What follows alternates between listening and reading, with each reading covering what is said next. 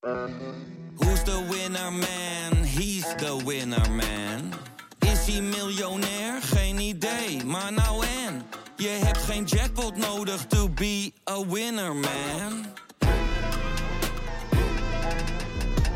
Oh oké, dat is wel lekker man. In de podcast Radio Romano met Noortje Veldhuizen Met Marcel van Roosmalen. En met Roelof de Vries. brengen we alle drie elke week een zogenaamde signalering mee. Wat heb jij nou weer bij je? En aan het eind bepalen we wie de winnaar van de week is. Echt een angstcultuur aan het Lege worden. huls die je er bent? Ja, dat gaat eigenlijk altijd onvriendelijk. Luister nu naar Radio Romano bij Podimo. Via podimo.nl slash Radio Romano luister je 30 dagen gratis. Ja, dan ben je Brabander en dan ben je verkouden. Dan moet je dus thuis blijven. Dan zullen misschien mensen zeggen, ja, het zal zo vaak niet lopen, ik ga naar mijn werk. Maar ik zou toch zeggen, volg het advies op. Doe ik zelf ook. Ik eh, moet hoesten en eh, ben eh, ja, verkouden. Verder niks ergens, ik geen koorts of zo, dus maak je niet druk. Maar ik blijf wel thuis. Ik werk wel vanuit thuis. Ik doe mee een coalitieoverleg en alles op afstand. Maar ik ga niet naar Den Haag. Ehm, ik zou zeggen, luister dus naar de adviezen. Als je verkouden bent en Brabander... ja, houd een nachtje thuis. Als je zieker bent, veel beterschap. Als je corona hebt, natuurlijk helemaal beterschap. En dan zullen we de komende dagen zien eh, wat de advies ons weer brengen. Hoi. Dit gaat echt nog wel enige tijd duren allemaal. En dan zullen we als land ons ook op moeten instellen dat het echt niet morgen voorbij is of overmorgen. Handen wassen, in je elleboog en gebruik maken van papieren zakdoekjes.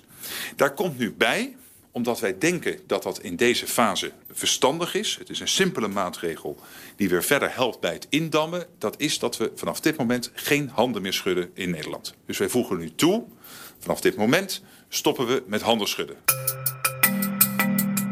Dit is Betrouwbare Bronnen met Jaap Jansen.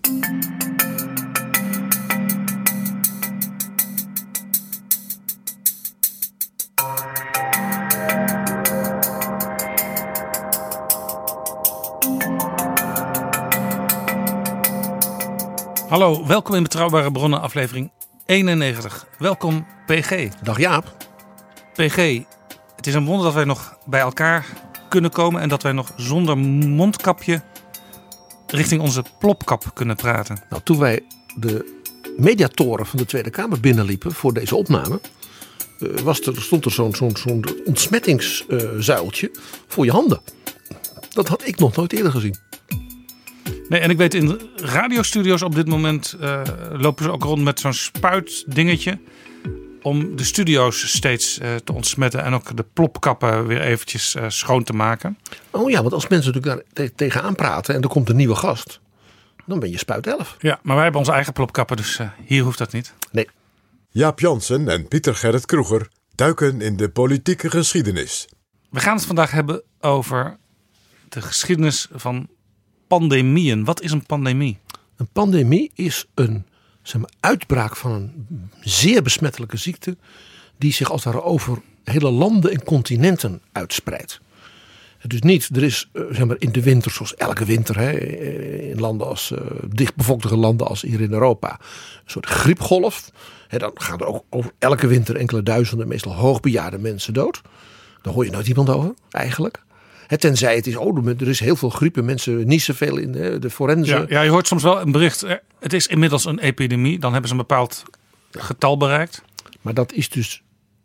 Dan is het als het ware even virulent, zoals dat heet. Hè? Het virus, daar komt het woord virulent ook van. En eh, een pandemie is dus als het ware over, letterlijk en figuurlijk over alle grenzen heen gaat. En dus ook grote delen van bijvoorbeeld van de bevolking van een land of landen en continenten worden geraakt. In de zin ook dat het uiteindelijk ook slachtoffers eist. Namelijk mensen die overlijden. Eh, zeker natuurlijk in vroeger eeuwen. En daar gaan we het in het bijzonder dus over hebben. Want die grote pandemieën eh, hebben vaak hele in, indringende politieke, strategische, culturele en ook religieuze gevolgen gehad. En dat is niet zo bekend altijd. Ja, en ik kan me ook voorstellen dat hoe verder je teruggaat in de tijd, hoe eh, lastiger het werd om met eh, grote ziektes om te gaan. Omdat toen natuurlijk nog vaak veel kwakzalverij was en mm, ze deden maar wat om ziektes eh, denkbaar te bestrijden. Men had natuurlijk tot de komst van de moderne wetenschap, ook de moderne experimentele wetenschap, die je kon proberen en dan checken, had men natuurlijk geen zeg maar, bewezen oorzaken. En wa- was er dus ook heel veel, ja, wij zouden zeggen bijgeloof, begrijpelijke grote angsten van mensen voor elkaar, voor hun kinderen, voor hun familie. Eh, en was er natuurlijk ook een soort besef dat ja, natuurkrachten waar de mens aan onderworpen was, hè, van de goden, van, van de duivel, eh, dat die dus ieder moment in je leven konden ingrijpen. We kennen natuurlijk uit het Oude Testament het verhaal dat God dan Farao straft. En dan komen al die epidemieën in Egypte. Dat is natuurlijk een herinnering van de Joodse stammen die als slaven in Egypte woonden aan ja, hun leven in het, dat enorme wereldrijk van de farao. En dat natuurlijk ook dat Egypte, mede door het dicht bevolkt langs die Nijl, dan hoeft er maar iets met het water te zijn. Hè? Of iedereen had tyfus, om het maar eens even zo te zeggen. Dus die verhalen over, over, over farao, die dan dat volk laat gaan, zodat God die straf wegneemt. Dat is natuurlijk een, aan de ene kant als, als, als mythe, oorsprongsmythe van het volk Israël. Natuurlijk heel natuurlijk prachtig Oosterse vertelling. Maar tegelijk je hoort de realiteitswaarde van herinneringen van hè, dus de, de, de, Joodse mensen die toen in Egypte woonden. Dan heb je dus geen wetenschappelijk verhaal of bewijs. Maar iedereen die dat leest, en ook zeker met de wetenschappelijke bril van, van deze tijd, kan meeleven bijna met de Egyptenaren, maar met, ook met die, die, die, die slaven in dat land. Ja. Wat is, de, wat is, als je in de geschiedenis gaat kijken, wat is een pandemie die heel erg tot de verbeelding sprak? Nou, ik heb er vier voor eh, deze editie. Eh, op, in heel verschillende eeuwen. En ook met ver- verschillende, in verschillende omstandigheden. Eh, maar alle vier met grote zeg maar, politieke, maatschappelijke en ook culturele gevolgen. Ze zijn allemaal vanaf zeg maar, de middeleeuwen. Omdat we natuurlijk over de, die eeuwen sindsdien natuurlijk zoveel bronnen hebben. Historische bronnen, gegevens en dergelijke. Dat je daar dus echt kunt analyseren eh, wat er gebeurd is. eh, hoe het gebeurde. eh, en, en er zijn dus heel veel getuigenissen ook. Ja, want in de middeleeuwen had je natuurlijk al rijken in de zin van landengroepen. waar administratie was. En er was natuurlijk ook heel veel kerkelijke administratie en monniken die aan administratie deden. En Europa had natuurlijk in die zin een echt verenigd Europa. De, de, de katholieke kerk, zoals, dat was toen nog gewoon de kerk. En de katholieke kerk was een, natuurlijk alle landen en streken en volkeren omspannend geheel. Dus iedereen was van de katholieke kerk en van de paus. En daarnaast van zijn keizer, zijn koning, zijn graaf, zijn stad. Dus toen had je dus ook bevolkingsadministratie die op een over al die landen vergelijkbare manier werd gedaan. Ja, het, dus de doopregisters, de huwelijksregisters en in dit verband natuurlijk de begrafenisregisters van de parochies in heel Europa vormen dus ongelooflijk belangrijke bronnen om dingen te weten over de demografie van Europa in die tijd. Werd daar ook al beschreven waar dan iemand aan overleed? Ja, dat werd zeker in kronieken, zoals dat heet, bijvoorbeeld van steden of van adellijke families. Hè. Dan, als al hun boeren doodgingen aan, ja, ik noem maar eens wat, eh, eh, eh, aan cholera. Nou, Ja, het woord cholera kenden ze niet, maar uit de beschrijving soms kunnen we dan nu proberen vast te stellen, kan niet altijd, van dan is dat waarschijnlijk dat geweest. Dus, Ja. dus ook daar, eh, je, je, zult, je kunt verbaasd zijn soms wat we aan detailkennis daardoor eh, gewoon ja, danken aan wat er is overgebleven. Dat is natuurlijk niet overal zo, van elke stad. Maar in sommige dingen zijn er dus soms echt fascinerende beschrijvingen. En later in de middeleeuwen, later middeleeuwen, renaissance, komen ook echt ego-documenten. Dat mensen dus, zeg een dagboek, brieven, ja, ook dat is allemaal prachtig en belangrijk materiaal. Ja, en hoewel er nog geen enorme wetenschappelijke overgeleverde kennis was over bepaalde ziekten, eh, waren er op een gegeven moment ook wel namen voor een ziekte. Bijvoorbeeld schiet met de binnen de zwarte dood. Daar gaan we mee beginnen. Dat is één. Je, je, het feit al dat jij, dat jij zegt van bij- eh, ieder, iedere belangstellende iemand die iets van geschiedenis weet, de zwarte dood. Dan zijn we dus in 1347, die heeft tot 53, 1353 maar, zeg maar in Europa ja, huis gehouden, want dat mag je wel zeggen. Uh, en die noemen wij, maar pas sinds de 16e, 17e eeuw, dus eeuwen later, de Zwarte Dood. En weet je waarom? Het is een vertaalfout. Oh. Het was de mors atra of pestis atra in het Latijn. En atra betekent verschrikkelijk en zwart in het Latijn. Dus de mensen in die tijd, hè, dus de monniken, schreven over die verschrikkelijke dood, die verschrikkelijke pest, ja, die uh, ziekte. Pest is betekent, betekent ook in bredere zin gewoon ziekte. En dat werd dus in latere eeuwen vertaald als zwarte pest, zwarte dood. Ja, ja, want we kennen natuurlijk ook het begrip pesthuis. Ja, dat is natuurlijk om mensen in quarantaine te stoppen. Het was dus het pesthuis altijd buiten de stad.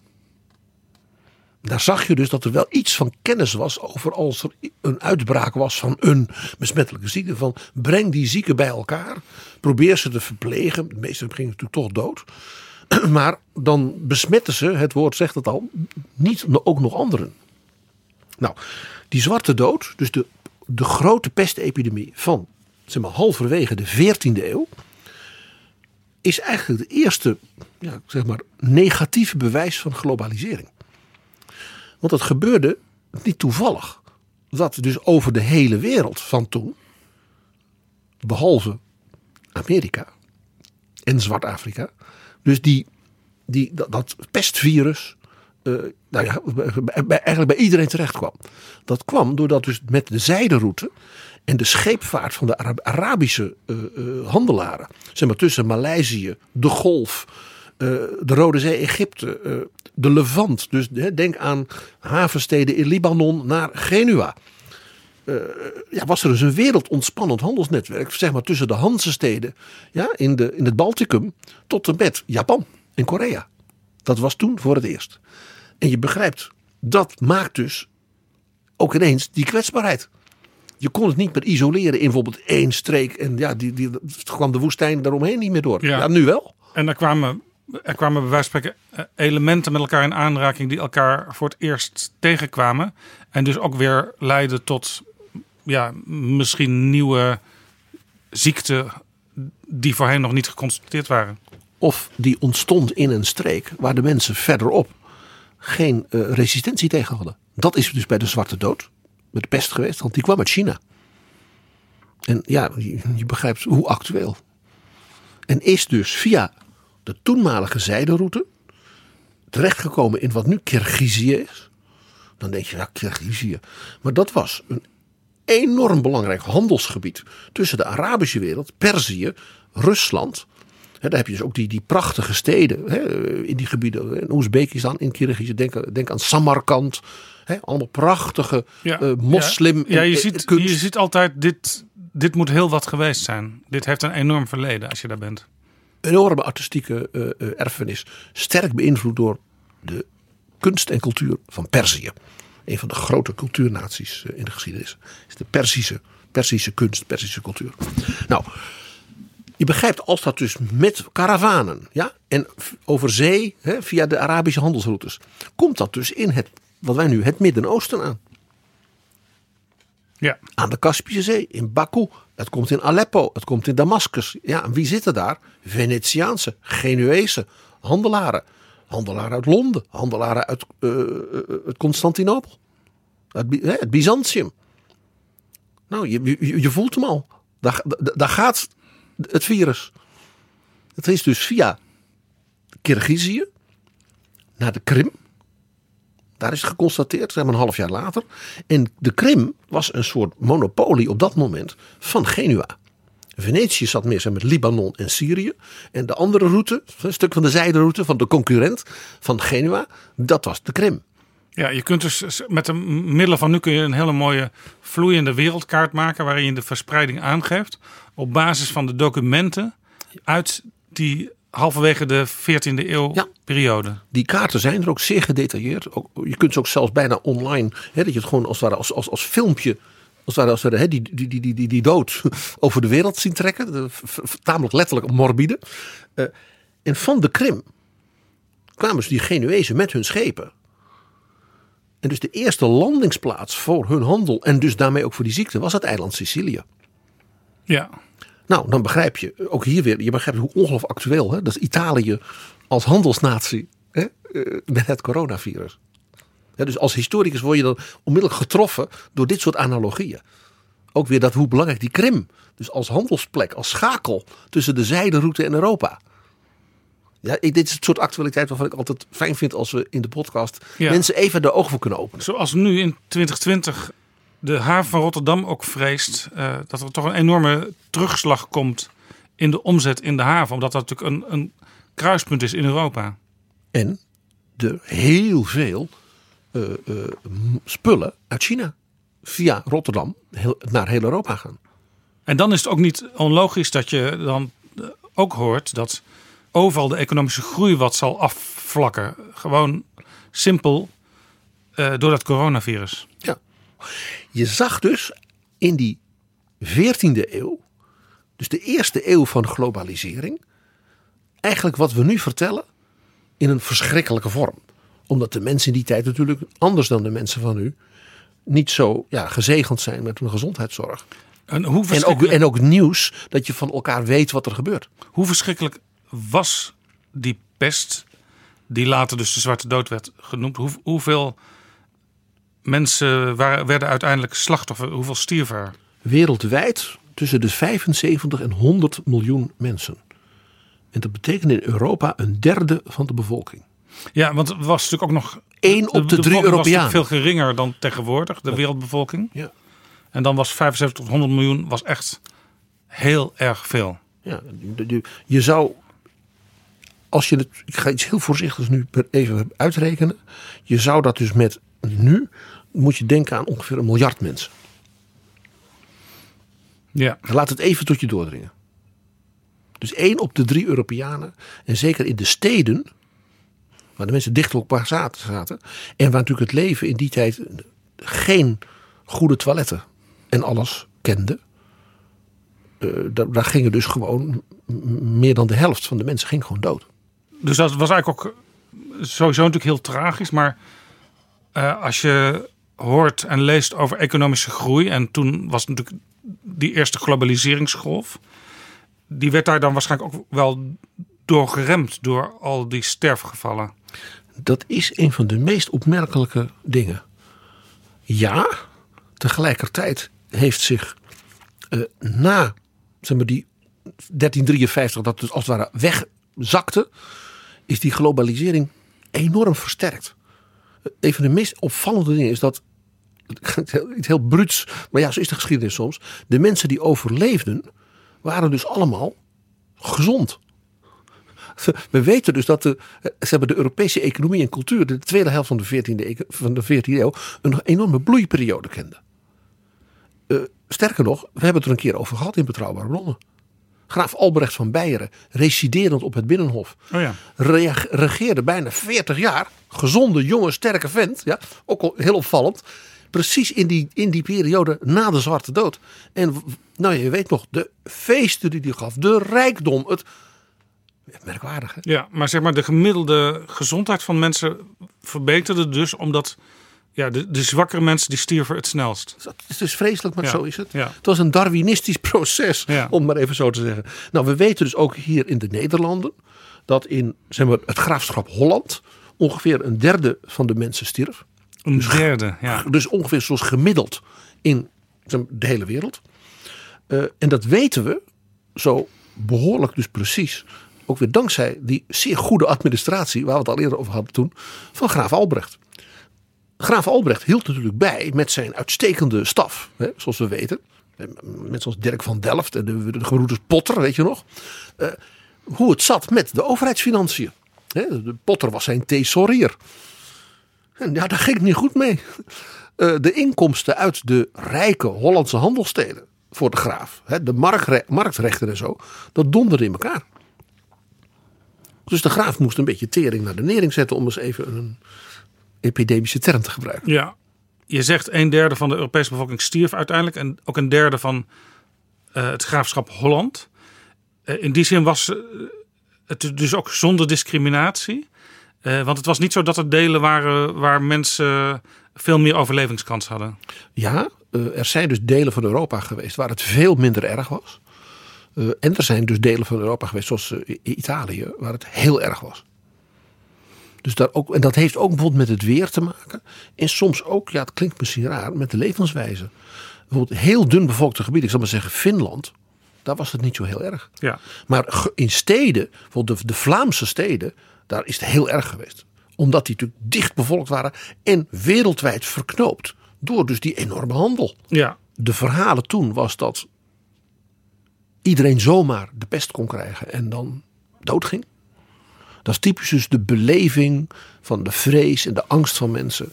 En natuurlijk ook uh, het gevoel, het is een straf van de Allerhoogste voor zijn zondaars. Nee, je komt, je komt nu nog wel eens hele orthodoxe, of misschien moet ik beter wel zeggen extremistische mensen tegen die bijvoorbeeld aids als straf van God uh, zagen toen dat in de jaren 80 van de vorige eeuw uitbrak. Maar dat was toen een vrij normale redenering, een straf van God. Ja, maar men, men ging ervan uit, en dat, dat was niet iets specifieks voor christenen, dat de mens natuurlijk onmachtig was tegenover de natuurkrachten. En ja, maar probeer natuur... je die te begrijpen. Ja, natuurkrachten was meer iets ook uit het heidendom, zeg maar. Want ja. Uh, in die zin zit het ook het christelijke geloof en het heidense geloof, daar zitten wel elementen die zijn overgenomen. Ja, en, en dus de gedachte was, uh, wij mensen worden ja, overvallen door onheil. En hè, inderdaad, de atra mors, een verschrikkelijke dood. En dan, misschien heb ik iets fout gedaan. Misschien moeten wij wel berouw tonen. Dat was ja, een heel begrijpelijk uh, manier van denken uh, in die tijd. We weten dus nu door het wetenschappelijk onderzoek naar de, zeg maar de sterfpatronen in de 14e eeuw. Dat ook toen, ja, net als dus nu weer, het vooral oudere mensen waren met bijvoorbeeld zwakke longen. die al bij, ook bij een griepje ja, onder de leden hè, een longontsteking krijgen kinderen die bijvoorbeeld, uh, bijvoorbeeld zwak geboren waren. Wij zouden dus nu zeggen geestelijk en lichamelijk gehandicapten. Die gingen dus, nou ja, nog meer bij bosjes dood. Ja, ja het is ook heel vaak dat als je al uh, lijdt onder bepaalde ziekten, tussen aanhalingstekens. ja, dan is soms een klein zetje is, is genoeg voor het einde. Maar. Dus ook als je heel oud bent geworden en ook best wel gezond. Maar ja, je hebt toch allerlei gebrekkigheden. En als er dan iets bij komt, dan kan het fataal zijn. Ja, en uh, dat was natuurlijk in die tijd te meer. Omdat natuurlijk alleen mensen die zeg maar, een heel goed gestel hadden, zou ik maar zeggen. Ja, die mensen heb je natuurlijk nu ook. Dat was, maar die had je ook in die tijd. Die mensen gewoon die nooit wat hebben en gezond zijn. En, en wij zouden zeggen sportief en bewegen. En hè, met, wie het, met wie het goed gaat. Er kwamen in die tijd ook mensen die dus moeiteloos 80 en 90 werden.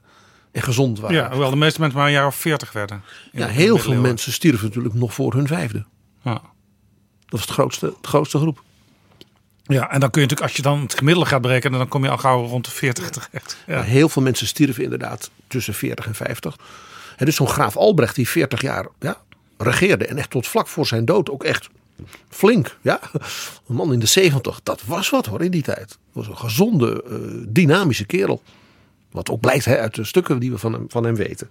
Nou, bij die reacties en die angsten hoort natuurlijk de meest wilde theorieën wij zouden zeggen samenzweringsgeloof. Ook magische gedachten. Als ik een zo'n amulet neem, dan krijg ik het niet. Of bepaalde kruiden die gaan helpen. Nou ja, ook, ik zal maar zeggen, een, ho een hoog Jomanda en Klazien zalkgehalte. Dat zat er ook in Europa in. Ah, het Achilleskruid, mensen. Heb je last van moeie voeten? Dan moet je het Achilleskruid op de hielen binnen. En binnen 15 minuten loop je weer zo kwiek als een pauwenjong. Heksen, ja, en genezers. En dat door elkaar heen. En ja, typisch voor die tijd was natuurlijk de Joden zitten erachter. Ja. Want een van de dingen waar de Joden natuurlijk altijd van verdacht waren, was het, het, uh, het, het vergiftigen van de bronnen. Van putten en, en zuiver water. Dat moet je ook heel symbolisch zien. Zuiver water staat natuurlijk voor de doop. Staat voor Jezus. Voor zijn, hij wast de zonden af. Het levende water. Het levende water. En hij wast de zonden van mensen weg. Dus als je dat vergiftigt, ja, dan, dan maak je dus de helende kracht van, van het geloof in Jezus dus kapot. En de Joden hadden natuurlijk Christus aan het kruis geslagen. Dus, nou, probeer op die manier als mens van nu te begrijpen het soort patronen achter de Jodenhaat van die tijd. Ja. Dus ja, pogroms, ja, die gingen dus samen met uh, de, de, de, jaren van de Zwarte Dood. De cijfers, er zijn minstens 210, misschien wel 400 Europese steden en de kleinere dingen, massamoorden op Joden plaats geweest. Uh, zeg maar, in zeg maar, rond de kerst van 1348, dus bij die eerste enorme golf in de winter, dus de mensen konden ook niet op het land gaan werken. Dus men zat bij elkaar in de kou.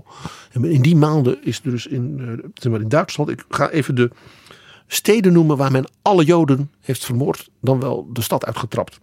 Stuttgart, Memmingen, Lindau, Basel, Freiburg, Augsburg, Nuremberg, München, Keulen en Erfurt. Excuus. En dat is eigenlijk vergelijkbaar met, uh, zoals ook over hekserij werd gesproken. Uh, er gebeurde iets raars in een dorp en dan werd dat, vrouwtje, dat rare vrouwtje daar in dat huisje, kreeg daar de schuld van en die werd dan als heks beschouwd. En hier werd dus een hele bevolkingsgroep, namelijk de Joodse bevolking. Die natuurlijk in zogenaamde ghetto's hè, woonden. Het woord ghetto komt uit Venetië voor de Joodse wijk. Dat betekent gesloten. Dus dat was letterlijk een gesloten wijk. Uh, waar de Joden bij elkaar woonden. En het kwam dus ook, daar kwam dus ook nog het verhaal. De Joden zijn de enigen die niet ziek worden. Dat was ook zo'n verhaal. Mag ik even zien hoe modern dit is? Weet je nog dat op 11 september het verhaal onmiddellijk rondging? 9-11. 9-11. Er zijn geen Joden omgekomen in die toren. Want die hebben vrijgenomen omdat ze wisten wat er ging gebeuren. Ja, de Mossad heeft ze gewaarschuwd. Nou, als je de dodenlijst ziet van Israëlische burgers. Ja, ja. dat waren er een paar, geloof ik, zo'n 300. En het aantal Amerikaanse Joodse uh, ja. mensen. Ja. Nee, ook niet je, gering. Dat hoef je inderdaad niet te bewijzen. Maar, uh, ja. ja maar dat, het geeft aan hoe, hoezeer dit van alle eeuwen is. Ik, ik wou het maar even aanstippen, ja. Ook in Nederland, uh, Utrecht, Zwolle, Tiel, Vught, Den Bosch en het hele hertogdom Gelre, dus zeg maar wat nu Gelderland is en zeg maar de Achterhoek en ook het hele Duitse gebied daarachter, was, was, was dus sprake van pogroms en ook in Vlaanderen.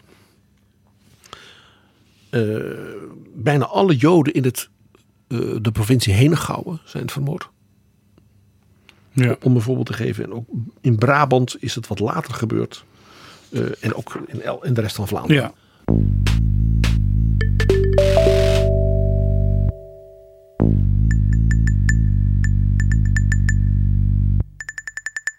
Nou, we hadden het er al even over. Uh, na een tijdje hield het op. Ja, na zes jaar. Ja. Het was dus golven. Hè? Ten eerste grote golf. Je bent 49 en 50. 1350 nog weer zo'n golf had. In 53 was zeg maar de laatste laatste ja, golfje. En daarna was het een beetje weg. Ja, maar nu is het zo in 2020, als er zo'n nieuw coronavirus komt, dan gaan toch alle wetenschappers en alle ziekenhuizen die ervaring met virussen hebben, uh, ja, die steken de koppen bij elkaar en die gaan kijken wat ze kunnen doen. Toen zaten ze natuurlijk letterlijk met de handen in het haar, want er was nog geen ervaring. Nee, en er was natuurlijk ook het, soort apocalyptisch gevoel van we gaan allemaal dood. Ja, dus het, het einde van de wereld komt. En, hè, dus je moet ook pro probeer een beetje in te denken van mensen die dus niet weten wat het is. Uh, vermoedens hebben, angsten, uh, die dat projecteren op, op Joden, op ja, mensen die anders zijn. Denk... Dus het was ook bij wijze van spreken, als je enigszins rationeel dacht in die tijd, was het ook nog best moeilijk om bijvoorbeeld het stadsbestuur te overtuigen van wat er moest gebeuren. Ja. Men had soms ook wel, uh, uh, zeg maar, uh, wij zouden nu zeggen, slimme gedachten. Dus bijvoorbeeld de pesthuizen, mensen isoleren, de quarantaine. Om in ieder geval iets te doen waardoor het misschien afneemt uiteindelijk. In, wat je remt, dat je de verspreiding remt. Heel veel mensen, ja, het is afschuwelijk om te zeggen, het feit dat men zei de Joden die de, de bronnen vergiftigen. ja, één ding klopte dus wel, dat vies water. ja, en ook uh, ratten hè, eh, dus eh, een bron waren van de verspreiding van dat soort ziekten. Ja, en er was natuurlijk, zeker in de steden, eh, was natuurlijk een hele smerige riolering overal waar die gewoon door de straten liep. Er was geen riolering. Dat liep gewoon door de gracht. Ja, Of door de rivier. ja, Of door de straat. ja. En de Hollandse schoonmaakwoede van latere eeuwen, die was het in die tijd nog niet zo erg. Nee, sterker nog, pas veel later, bijvoorbeeld in Amsterdam, Safati, arts en wethouder. Die heeft heel veel dingen gedaan, maar dat is echt pas eeuwen later. Om, om Amsterdam hygiënischer te maken. Daar gaan we het over hebben. Want ook dat heeft hele bijzondere oorzaken.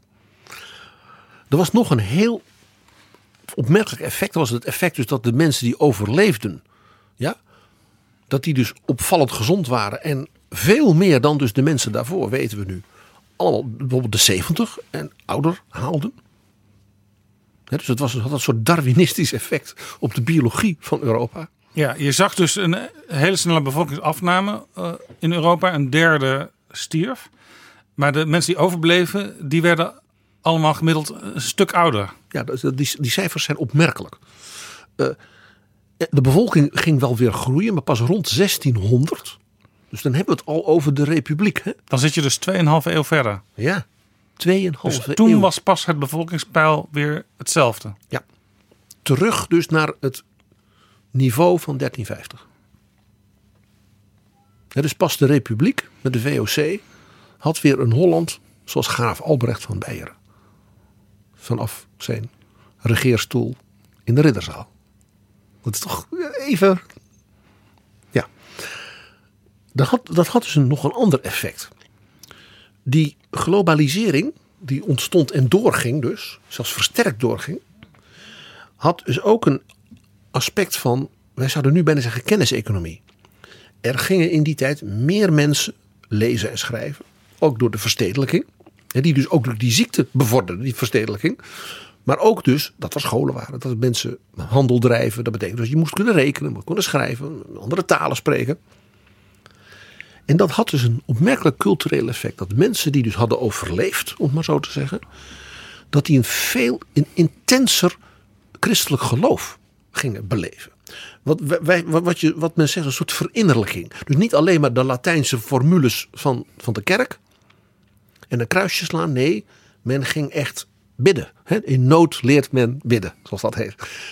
En dat was dus toen ook, en dat had een heel bijzonder effect. Men wilde dus over zijn geloof praten, erover lezen, erover schrijven in de volkstaal. En dit heeft geleid tot een enorme bloei van dus de literatuur in de volkstaal. Onder andere ook dus in het Middel-Nederlands. En dit is dus, dat leidde dus tot een, bijvoorbeeld een uniek boek in de, zeg de Europese literaire en culturele geschiedenis. Namelijk een van de allereerste volledige vertaling van de Bijbel in de volkstaal. En dat is dus in het Nederlands.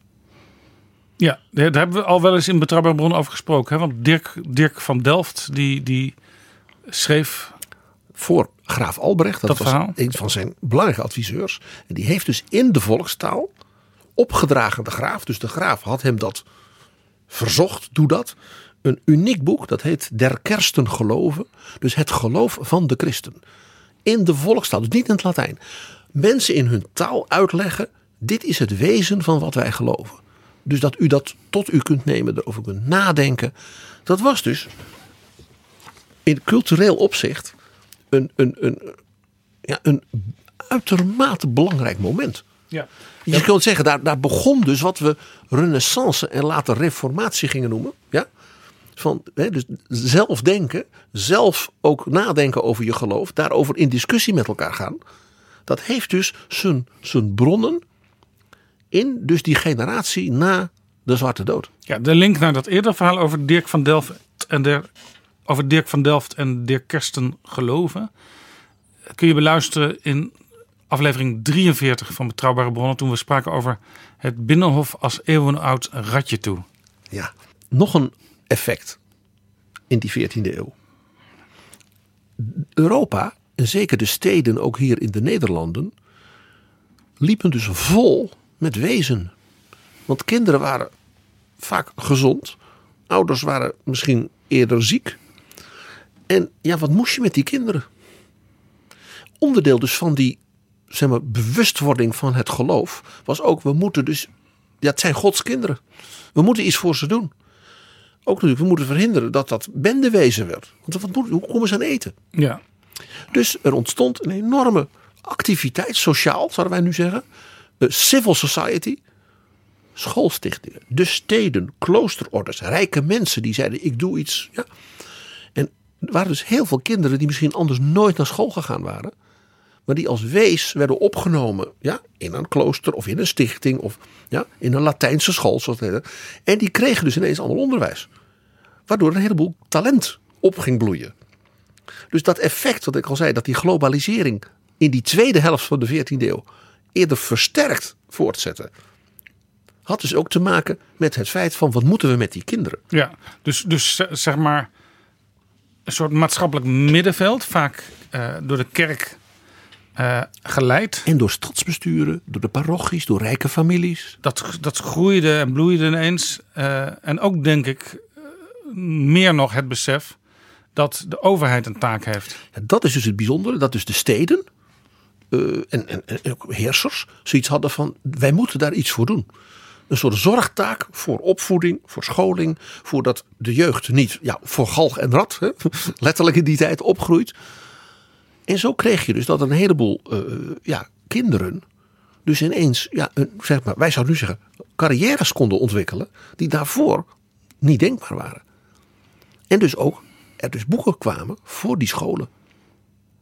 In de volkstaal ook weer. De beroemde De navolging van Christus, de Imitatio Christi van Thomas à Kempis. Uit die tijd ook.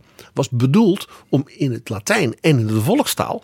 Dus de mensen te vertellen hoe, heb je, hoe voer je het goede leven. Ja, ja. Dat boek is tot de dag van vandaag nog gewoon te krijgen. Het is een van de meest bijzondere en belangrijke zeg maar, spirituele boeken in het Nederlands. En dat is dus geen toeval. Ja. Dat, dat, dat komt dus uit die fase van onze cultuur. Ja, misschien een hele rare vraag hoor, maar ontstonden er ook daardoor nieuwe beroepen en nieuwe vakken? Omdat natuurlijk veel kinderen die nog ouders hebben, die stappen vaak gewoon eh, in de boerderij van hun ouders. En, of die worden net als hun vader timmerman. En toen waren er ineens heel, heel vaak geen ouders meer. Dus het veld lag helemaal open voor die kinderen. Letterlijk. Het is een punt dat je terecht aanstipt.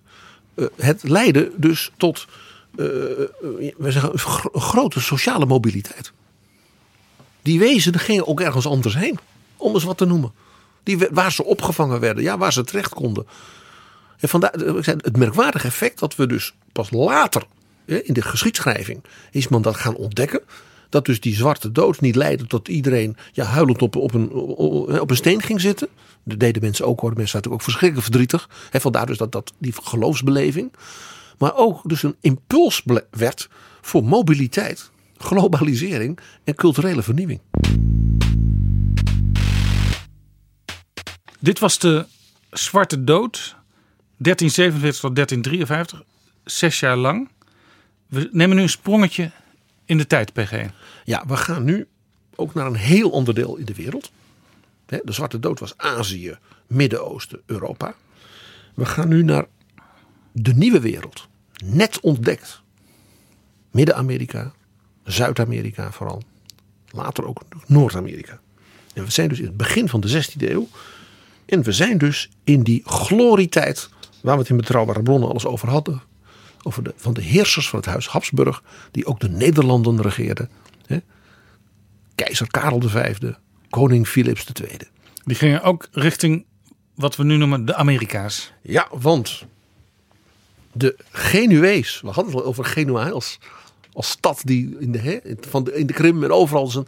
De Genuees Christoffel Columbus ontdekte, gefinancierd door de koningin van Spanje, Isabella, de katholieke, zoals zij werd genoemd, hè, de Los Reyes Católicos, hè, die geweldige, krachtige heerseres. Het voorbeeld voor al die ja, nichtjes, kleindochters, dochters, tantes, hè, die dat huis Habsburg daarna Ja, gingen als je in Spanje besturen. rondreist, dan zie je nog heel veel eh, tekens van waardering voor Isabella. Ja, zij is de, de, de, de grote vrouwelijke persoon in de Spaanse geschiedenis. En dus de opdrachtgever van Columbus. Dus die veroverde, zoals dat heette, ja, natuurlijk niet, met drie bootjes. De nieuwe wereld voor Spanje en daarmee voor de katholieke kerk. Voor het christelijk geloof. Dat was natuurlijk een letterlijk wereldschokkend iets. Daar kwam dus een compleet nieuwe wereld bij. Eén klein opmerking. We hebben het onlangs weer gehad. Ging het weer even in de media. Dat men in de middeleeuwen geloofde dat de aarde plat was. Niet waar. Zegt gewoon maar. Niet waar. Dus een praatje van later. Dat kan eigenlijk ook niet als je, ja, als je de wereldzeeën overvaart. Dan, kan, dan kun je dat ook uiteindelijk niet geloven, denk ik. We hadden het net al over die globalisering van de 14e eeuw. Toen wist men dus ook dat China letterlijk aan de andere kant van de wereld lag. Dus dat gewoon even, lieve luisteraars, geloof dit verhaal niet. En op een gegeven moment wist men natuurlijk ook dat je om de wereld heen kon varen. Columbus die zei tegen Isabella: Als ik nou eens de andere kant omvaar, dan hoef ik dus niet via die moslimlanden. Dan kom ik in Zipanku, wat wij kennen als Japan, want dat wist men al. En India, ja, dan moet je denken aan Maleisië en Burma en India, dat werd India genoemd. En dan kunnen we daarmee handel drijven. Dat was het idee. En dat was natuurlijk ook in het belang van de handelsstad Genua. Dat was een bondgenoot van Spanje. Ja. Het is heel politiek allemaal, hè? Dit. Nou, hij vaart en komt niet in Japan, maar wel op een eiland. Dat eiland, dat heet nu Hispaniola, natuurlijk. Ja, het Spaanse eiland. Dus wat de Dominicaanse Republiek, Haiti, Cuba, dat was, was. En toen ontdekten ze snel, heel snel, dat daarachter nog meer lag. En daar lag een enorm machtig rijk. Het rijk van de Azteken. Wat nu zeg maar Mexico is. Met als hoofdstad Tenochtitlan. De Spanjaarden die daar voor het eerst aankwamen. Daar hebben we hele gedetailleerde beschrijvingen van. Want die hadden monniken bij zich voor kronieken. Die keken hun ogen uit. Dat- Die stad lag in een kom. Van allemaal vulkanen van 5.000, 6.000 meter hoog. En in die kom was eigenlijk één groot meer. Want al dat water kwam en het kon niet weg. En in dat meer lag die stad die dreef bijna. Met bruggen naar de randen. 200.000 inwoners. Zou je kunnen zeggen een soort Venetië? Nou, Venetië ligt aan zee. Dit lag dus in een, in een kom van vulkanen midden in het land. Ja. Zij kwamen daar dus binnen. Te paard. De Azteken kenden het paard niet. Dus die dachten, dit zijn de goden. Ah, ja. Die zijn over zee, want dat was het verhaal. De goden wonen aan de andere kant van het water. En die zijn gekomen om onze koning, Montezuma, ja, te eren. Dus ze werden wel vriendelijk verwelkomd. Ja. Ook met, met zeker met, met ontzag. Ik bedoel, ik, ik vind een van de mooiste films eh, in de wereldgeschiedenis. Die 200, 300 Spanja, Spanjaarden te paard. Met helmen, hè, dus Europese ridders. Dat kenden ze daar dus allemaal niet.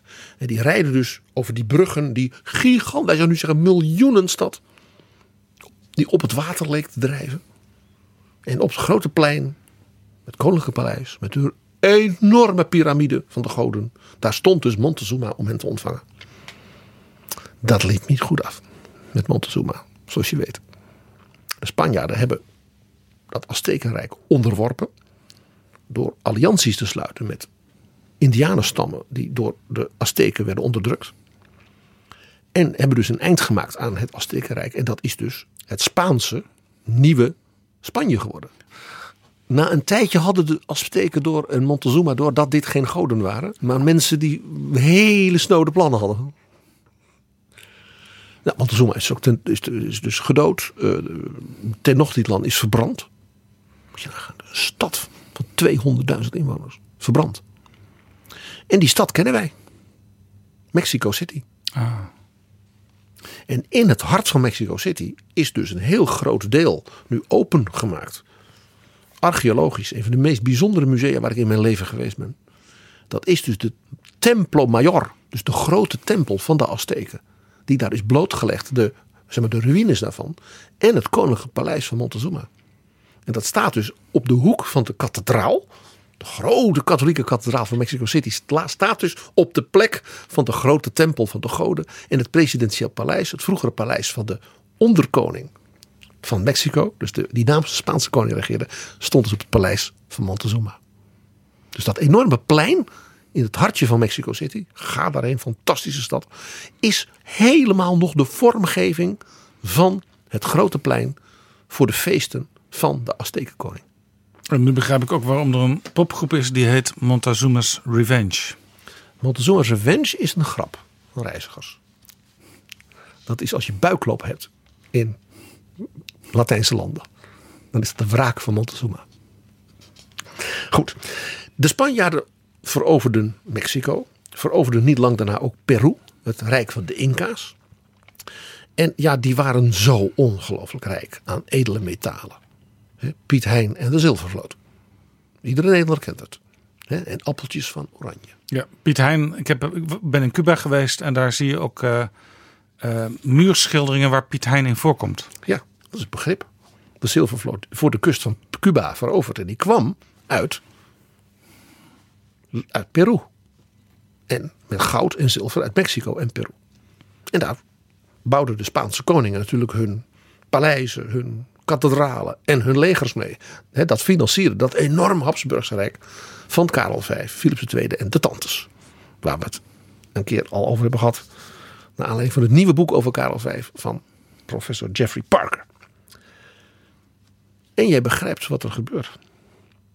Die Europese handelaren, soldaten, komen in contact met dus die miljoenen ja, Indiaanse, de Native Americans van Mexico, van Peru, van Venezuela, dat hele gebied. Rond 1520, dus toen was zeg maar, eh, Tenochtitlan net veroverd. En begon dus de ontdekking in Peru. Is er een bemanningslid geweest van het schip Panfilo de Narvaez. En die had waterpokken. En hmm. dat leidde tot een ramp. Want de inwoners van Mexico en de rest van Amerika kenden een aantal van die ziektes uit Europa niet en waren dus op geen enkele manier immuun daartegen. Nee, want ik herinner me nog uit mijn jeugd pokken als ziekte. Dat was dus bestrijdbaar. Ja. Sinds de 18e eeuw hè, in nu, Europa. Nu praten we wel, wel over 1520. Ja. Maar voor die, voor, voor die regio was het dus een volstrekt nieuwe ziekte. In Europa was dus pokken endemisch. Ook waterpokken, daar zal ik straks ook iets over vertellen. Maar daar had men dus nog nooit die virus gehad. Dus die ging als een tierenlier ja, door al die mensen. Toen dat voorbij leek, kwam er een nog ergere bijna mazelen-epidemie. Want ook dat kende men niet. En uh, daarbij kwam de, veel van de mensen waren verzwakt ook natuurlijk door de wijze waarop de Europeanen uh, de bevolking uitbuiten. En ja, de gevolgen waren dramatisch. Als ik je vertel dat toen Tenochtitlan in zijn glorietijd was, had Mexico 25 miljoen inwoners. Dat was dus vergeleken bij Koninkrijk in Europa dus heel veel. Ja. In 1623, zeg maar, bij de volkstelling van Nieuw-Spanje, waren er 700.000 mensen in Mexico. Van 25 miljoen naar 700.000. Ja, een bevolkingsdaling van 97 procent. In een enorm land. Ja, in een continent. Mexico is natuurlijk een heel, echt een heel groot land. Maar je moet dus denken, ook alles daaromheen, inclusief dus de Peru. Ja, niet alleen Mexico zoals we dat nu kennen. Ja, dit is echt het Mexico wat we nu kennen, die 25 miljoen. Oh, ja. Dan kun je nagaan wat dat dus in die andere gebieden, hoe, hoe die ziektes daar ook hebben toegeslagen. En overigens, enkele decennia later, toen de Britten en de Nederlanders in Noord-Amerika kwamen, toen is ook daar dus onder de Indianen langs de kust een enorme pokkenepidemie geweest, de waterpokken. En daar gingen ze ook allemaal aan dood. Ja, en dat, dat was dus in die tijd ook op geen enkele manier te voorkomen geweest. Want ja, mensen kenden gewoon die ziekte niet en waren er onmiddellijk vatbaar voor. Ja. Terwijl het kon dus meegenomen worden door mensen uit Europa die het bij zich droegen, maar zelf er niet ziek van werden. Nee, precies. Dus je kunt dus die Hollanders die daar niet zeg maar, verwijten, om maar zo te zeggen. Maar het was natuurlijk verschrikkelijk. Ja. dat heel veel van die mensen ook nog slecht behandeld werden en, en uitgebuit. eh, Daar staat er de los zilvermijnen. Van. Staat er los van. Ja, Dat, dat is op zichzelf echt heel interessant. Wij weten uit de enorme literatuur hierover, heel veel bronnen. Want ja, toen Amerika werd ontdekt en veroverd, je begrijpt, eh, in elk schip gingen natuurlijk geletterde paters mee. Want ja, die bevolking moest natuurlijk tot het heil worden gebracht en bekeerd. En die gingen dus gedetailleerd beschrijven wat ze hadden gedaan. Ja. Want het was natuurlijk het, was natuurlijk het avontuur van de eeuw. Ja, een compleet nieuw continent. En dan mag jij, nou ja, letterlijk en figuurlijk gaan wirtschaften. En daar, waar, daar was dus later heel veel van te leren van al die ervaringen die werden opgeschreven. Ja, daardoor weten we heel veel daarover. En weten we dus ook dat er heel veel paters en zo, en raadsheren van keizer Karel, die dus allemaal, mm, wij zouden zeggen, eilbrieven naar de regering in Madrid en de keizer eh, eh, in Wenen en eh, met zijn legers in Italië en in, en in de Nederlanden stuurde. Van dit gaat helemaal fout. Die waren dus buitengewoon kritisch op de wijze waarop dus de ontdekkers, de soldaten, de, de, de adellijke heren, die indianen behandelden en exploiteerden. Die zeiden, ja, dat, dat klinkt allemaal mooi. Van ja, dat zijn heidenen, die kunnen we lekker uitpersen. Maar die paters zeiden, zo ga je niet met Gods schepsel om. Die, die mensen zijn ook van, van onze lieve Heer. Ja? En ja, die zijn niet katholiek. Ja, dat, dat kan ook niet. Maar wij hebben de opdracht, ja, om naar, in de nieuwe wereld die miljoenen hè, Mexicanen naar het, eh, het geloof te brengen. Ja. En, dan worden wij natuurlijk ook zelf misschien wel een beetje heilig ooit. Ja. ja, en ik zei net dat ehm, het overbrengen van de ziekte los stond van eh, hoe bijvoorbeeld de Indianen werden uitgebuit. Maar dat is, dat is natuurlijk niet waar, want eh, we hadden het er al eerder al over. Als je al zwak was, dan was je ook extra vatbaar. Precies. Dus het was ook een taak van de nieuwe heersers, van de kolonisten, om ook een zekere gezondheidszorg Ja. Te brengen. Wat typisch hoorde bij kloosterordes en dergelijke. Dus die klaagden over hun zeg maar, Spaanse landgenoten. Over hoe die dus met die mensen omgingen. Nou, keizer Karel, eh, die kreeg dus onder andere, dus in Europa, hè, met, met, met de bootjes kwamen die brieven. En de beroemdste pater, die ook echt rechtstreeks met de keizer communiceerde, was Bartolomé de las Casas. Die staat ook in, de, in Latijns-Amerika bekend als een soort halve heilige. Iemand die dus echt wordt vereerd. Omdat hij de keizer dus berichten schreef. Gedetailleerd verslag deed. Over hoe slecht de mensen die dus namens hem daar zeg maar, het bewind voerden. Met die mensen omgingen. En dat dus die mensen als ratten stierven. Letterlijk. Ja. En hij dacht natuurlijk dat. Men had die wetenschappelijke analyse natuurlijk niet. Die dacht dat komt. Dat is een straf van God. Voordat wij zo slecht met die mensen omgaan. In Ja. plaats van dat we ze gezond maken en bekeren.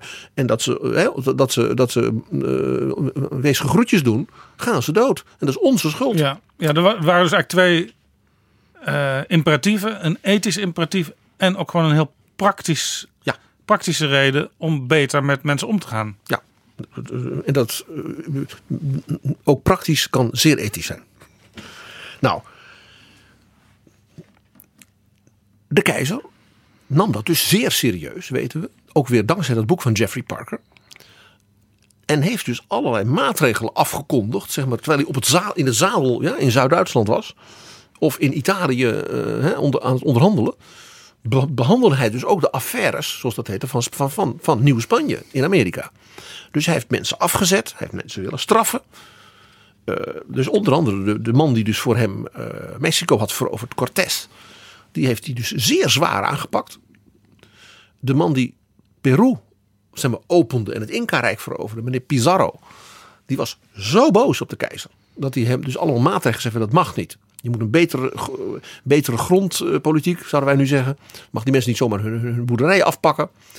Eh, de, de, de families die met Pizarro Peru binnenkwamen, zijn in opstand gekomen tegen de koning van Spanje.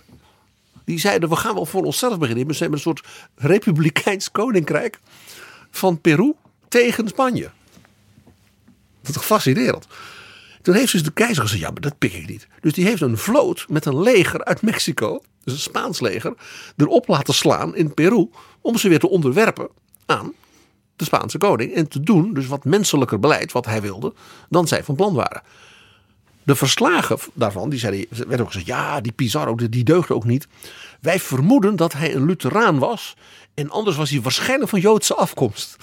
Zo, zo, zo werd hij dus zwart gemaakt tegenover de keizer vanwege dus zijn wanbeheer. Zulke slechte dingen doen alleen Lu- Lutheranen, dus protestanten Ja, en het is Joden. ook altijd interessant als je dan bent in bijvoorbeeld een Spaans museum om te kijken hoe er over die tijd eh, geschreven werd in allerlei beelden en verslagen. En hoe zo'n museum van nu daarmee omgaat. Dus die dramatische gebeurtenissen en die epidemieën hadden dus ook politiek, ja, daarin de nieuwe wereld. En ook bij de Spanjaarden in de nieuwe wereld zeer opmerkelijke gevolgen. Waaronder dus een soort burgeroorlog tegen keizer Karel V. En wij maar denken hier in de Nederlanden hè, dat wij de enige waren die in opstand kwamen tegen de Spanjaarden.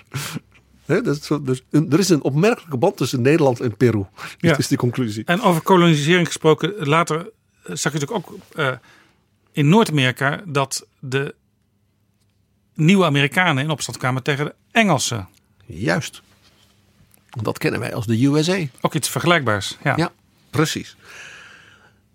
De kerk had zoiets van: ja, wij moeten dus met die mensen die nog leven, daar moeten we dus beter mee omgaan. Dus, hoe, dus de, de katholieke kerk heeft toen iets typisch briljant katholieks gedaan. Wat wij ook uit Europa kennen.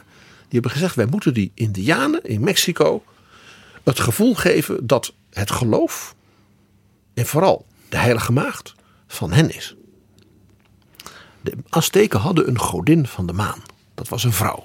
Zoals bijna in alle geloven de maan altijd een godin is. La Luna. Dat is Ja. fascinerend. En dat was ook bij de Azteken. En wat gebeurt er? Aan Juan Diego, een Indiaanse boer, verschijnt La Morena. Dus het meisje met een zwart gezicht en zwart haar. En die zegt: ga naar de bisschop en zeg dat ik als moeder voor alle Indianen eh, wil zijn. En ik dus tranen vergiet om mijn zoon, hè, dus Jezus, en om mijn Indiaanse gelovigen. Die moeten goed worden behandeld. Dus hij gaat naar de bisschop en die zegt: Nee, kom nou. Ja, daar stink ik in. Mooi hè? De bisschop was een scepticus bij deze vers- verschijning van de Heilige Maagd. Ja. Dus hij gaat terug naar de berg Tepeyac. Noorden van Mexico City is dat. En zij verschijnt ook opnieuw. En zegt, doe dat nou. Ga nou naar hem toe. En ze zegt, ga, kl- klim op de heuvel en pluk de bloemen. En daar bloeiden allemaal witte rozen. Nou, iedere katholiek weet, de witte roos is natuurlijk het symbool van Maria. Namelijk haar maagdelijkheid, haar zuiverheid. Ja. Dus hij doet die in zijn poncho. En gaat naar de bisschop. De bisschop zegt, daar is hij weer, die Juan Diego. Is er? Ja, ze was weer verschenen. En ze ziet eruit als een Indiaans meisje. Natuurlijk ziet ze niet uit als een Indiaans meisje. Maria ziet eruit als een Spaanse schone. Hè? Want zo hing haar beeldenis aan de wand. Ja.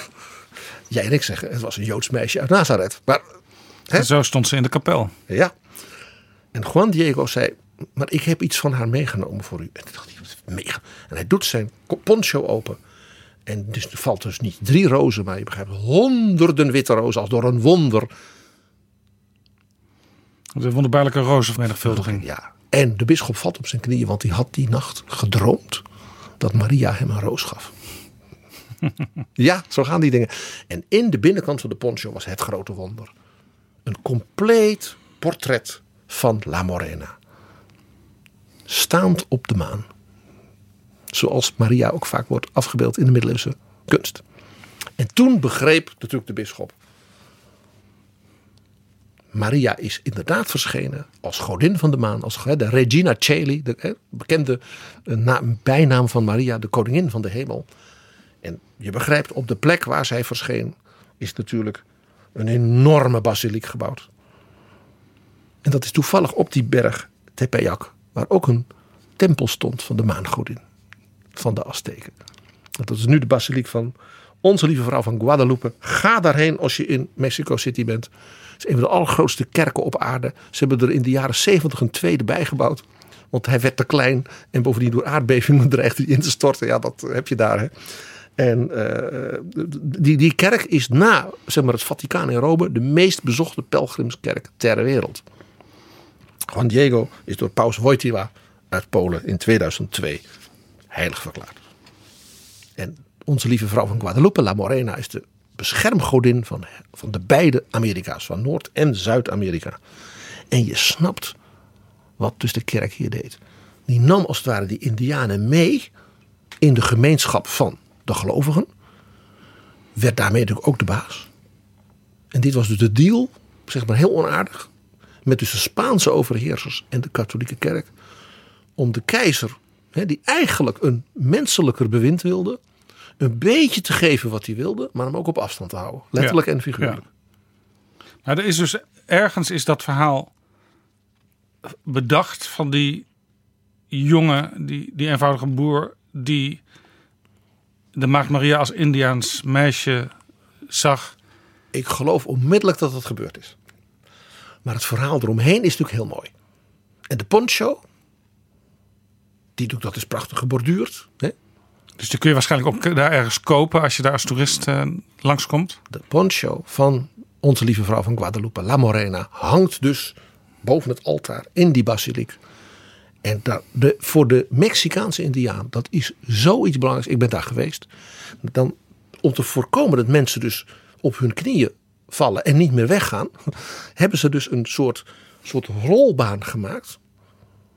Voor dat achter het altaar. En dan mag je dus opstaan. Er staat een priester die zegt al ja, dan moet je ook je handen vouwen. En dan rij je als daar onder La Morena langs. Ah. één keer heen en één keer terug. Zoals je ook bij het graf van Lenen heel snel uh, door moet lopen. Want, uh... En dat is echt voor, ook voor een protestantse Hollandse jongen. Dat is zo indrukwekkend om die mensen uit alle mogelijke dorpen ja, in Mexico, in ja, Yucatan. Want, want, want, om die daar dus echt op hun knieën ja, ook naar, naar te, Een Nederlands protestant moet toch altijd een beetje fronsend dat ondergaan, zo'n zo'n heilige verklaring. Maar dit is natuurlijk zo'n prachtig verhaal.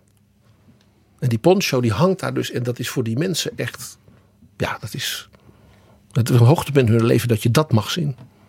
Want ja, dat heeft La Morena natuurlijk zelf geschonken aan hen. Zij beschouwen het als echt, zij heeft dat aan ons, ons gegeven. Ja, prachtig hè. Nou, we hadden het over een pandemie. En je ziet de gevolgen dus in politieke zin weer, ook in culturele zin, hè, tot de dag van vandaag. Hè, dat is dus de verinnerlijking die we ook al zagen in, bij de Zwarte Dood. Van een identificatie in het geloof met het lijden dat dat ook bij La Morena ja. Eh, erin zat. En wat ik zelf altijd interessant vind, dat hier dus ook veel politiek en diplomatie aan te pas komt. Namelijk de katholieke kerk, die heeft bepaalde doelen en belangen. Uh, die willen meer gelovigen en die willen ook dat mensen katholiek worden daar. Uh, de heerser die heeft bepaalde belangen en doelen. De plaatselijke heersers, de keizer ver weg in, in Europa. En daar worden dus ook soms compromissen gesloten om samen toch verder te komen. Ja. Het interessante hiervan is de opmerkelijke, zelfs in de tijd, opmerkelijke overeenkomsten met de Nederlanden. En het Habsburgse bewind. Waar we het eerder over hadden, naar aanleiding van het boek van Jeffrey Parker. Dit is Betrouwbare Bronnen, een podcast met betrouwbare bronnen. Zullen we een paar eeuwen verder gaan en naar eigen land, naar Nederland. Naar Nederland, oké. Okay. welk jaar komen we terecht? In 1866. En dat jaar is heel toevallig onlangs in Betrouwbare Bronnen al eerder langsgekomen. Het laatste jaar van dat Torbekke. Van dat kabinet Torbekke, tweede kabinet Torbekke, dat zo actief was, ja, zoveel deed. En in dat laatste jaar volledig de mist in ging. Dat is het jaar 1866. 1866 was de laatste grote dodelijke epidemie uh, in Nederland tot de allerlaatste meteen na de Eerste Wereldoorlog. En dat was een cholera-epidemie. En als ik je nou vertel, er gingen in Nederland op 3,5 miljoen mensen 21.000 mensen dood. Dat zou dus nu 100.000 zijn. Ja. Als je het in Nederland van nu, en bijvoorbeeld alleen al in Amsterdam, 1151, dat zou dus nu 5000 doden zijn. Ja, maar we zien wel dat het aanzienlijk minder was dan eerder bijvoorbeeld met de pest. Ja. In België was, was de dodental meer dan het dubbele dan in Nederland. En dat had te maken met dat België een veel moderner land was. gek genoeg. Dus mobiliteit was groter Ja. tussen de steden. En de steden waren veel industriëler al dan in Nederland. Dus je had fabrieken, dus mensen dicht op elkaar. En cholera is natuurlijk een ziekte waarin door vies water mensen besmet worden. De steden in Nederland waren nog niet zo groot als ze later werden. Precies. En, maar de urbanisatie, die dus al echt gaande was, was dus een enorme aanjager. Net dus als in de 14e eeuw, hè, van de snelle verspreiding van deze epidemie. En dat kwam door dat besmette water. En ja, we hebben het er al eerder over gehad. Slecht drinkwater, open riolen, eh, alles vies, alles stonk, overal paardenpoep. Om maar even gewoon bruut te zeggen, ratten. Ja. Net dus als in de middeleeuwen. De cholera komt, komt uit die tijd ook. Krijgt de kleren. Absoluut. Absoluut. En kleren staat dan voor cholera. De cholera. En ook iemand die cholerisch is. Jazeker. Nou, die epidemie kwam dus. En je zou zeggen, nou, Torbekke. Ja, krachtige bestuurder. Liberaal. eh, ja, ervaren. Maar 1866 was een jaar waarin Den Haag, laat ik het nou voorzichtig zeggen, zich niet van zijn beste kant heeft laten zien. In dat jaar was er crisis na crisis. Dat jaar heeft drie kabinetten gehad. Waaronder dus een instortend kabinet Thorbecke. Dat geloof ik in februari al mm, nou ja, ten val kwam. Eh, koning Willem III dacht mooi zo. We hebben het er al eerder over gehad. Ik ben van die Thorbecke af. Die liberalen hebben ruzie onder elkaar. Dat kan ik mooi exploiteren. Dus ik ga een kabinet met vriendjes van meer conservatieve kring. Adellijke lieden benoemen. Eh, ja, die hadden geen steun echt in de Kamer. De, de, de, een deel van de liberalen wilden ze dan een beetje een soort gedoogsteun. En koning Willem III was, hoe zullen we het nou voorzichtig zeggen, buitengewoon eigen gereid. Dus dat kabinet viel ook binnen een paar maanden. Er moest er weer een nieuw kabinet komen. En ondertussen ging dus door het arme volk, ja, in de steden, in de fabrieken en al die nou ja, arbeidersbuurten, ging dus die ziekte als een gek. Ja, En, ze gingen bij duizenden tegelijk dood. Ja, en de, door de politieke omstandigheden had de Bruno Bruins van die tijd dus ook niet eh, de handen vrij om de zaak goed aan te pakken. Nee, er was niet veel coördinatie vanuit Den Haag. Eh, wel, zeg maar, wij zouden nu zeggen, verlichte wethouders in die steden. Die zoiets hadden van we moeten snelstens iets doen voor, met schoon drinkwater met name. Dus duinwater was toen hè, in Amsterdam ook een heel belangrijk punt. Met, met, met Haarlem, dat ze probeerden dat samen te doen.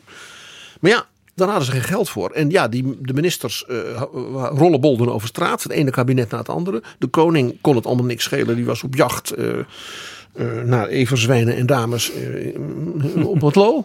Eh, kortom, politiek Den Haag en de politieke elite heeft zich in die tijd niet, niet van zijn beste kant laten zien. En dat, de, effecten waren dus verschrikkelijk. En eh, ja, men probeerde dus van alles aan eh, ja, medicijnen. Men wist dus nog niet zo heel veel. Dat water, dat was wel bij, zeg maar, bij de meer rationele, wetenschappelijk denkende mensen bekend.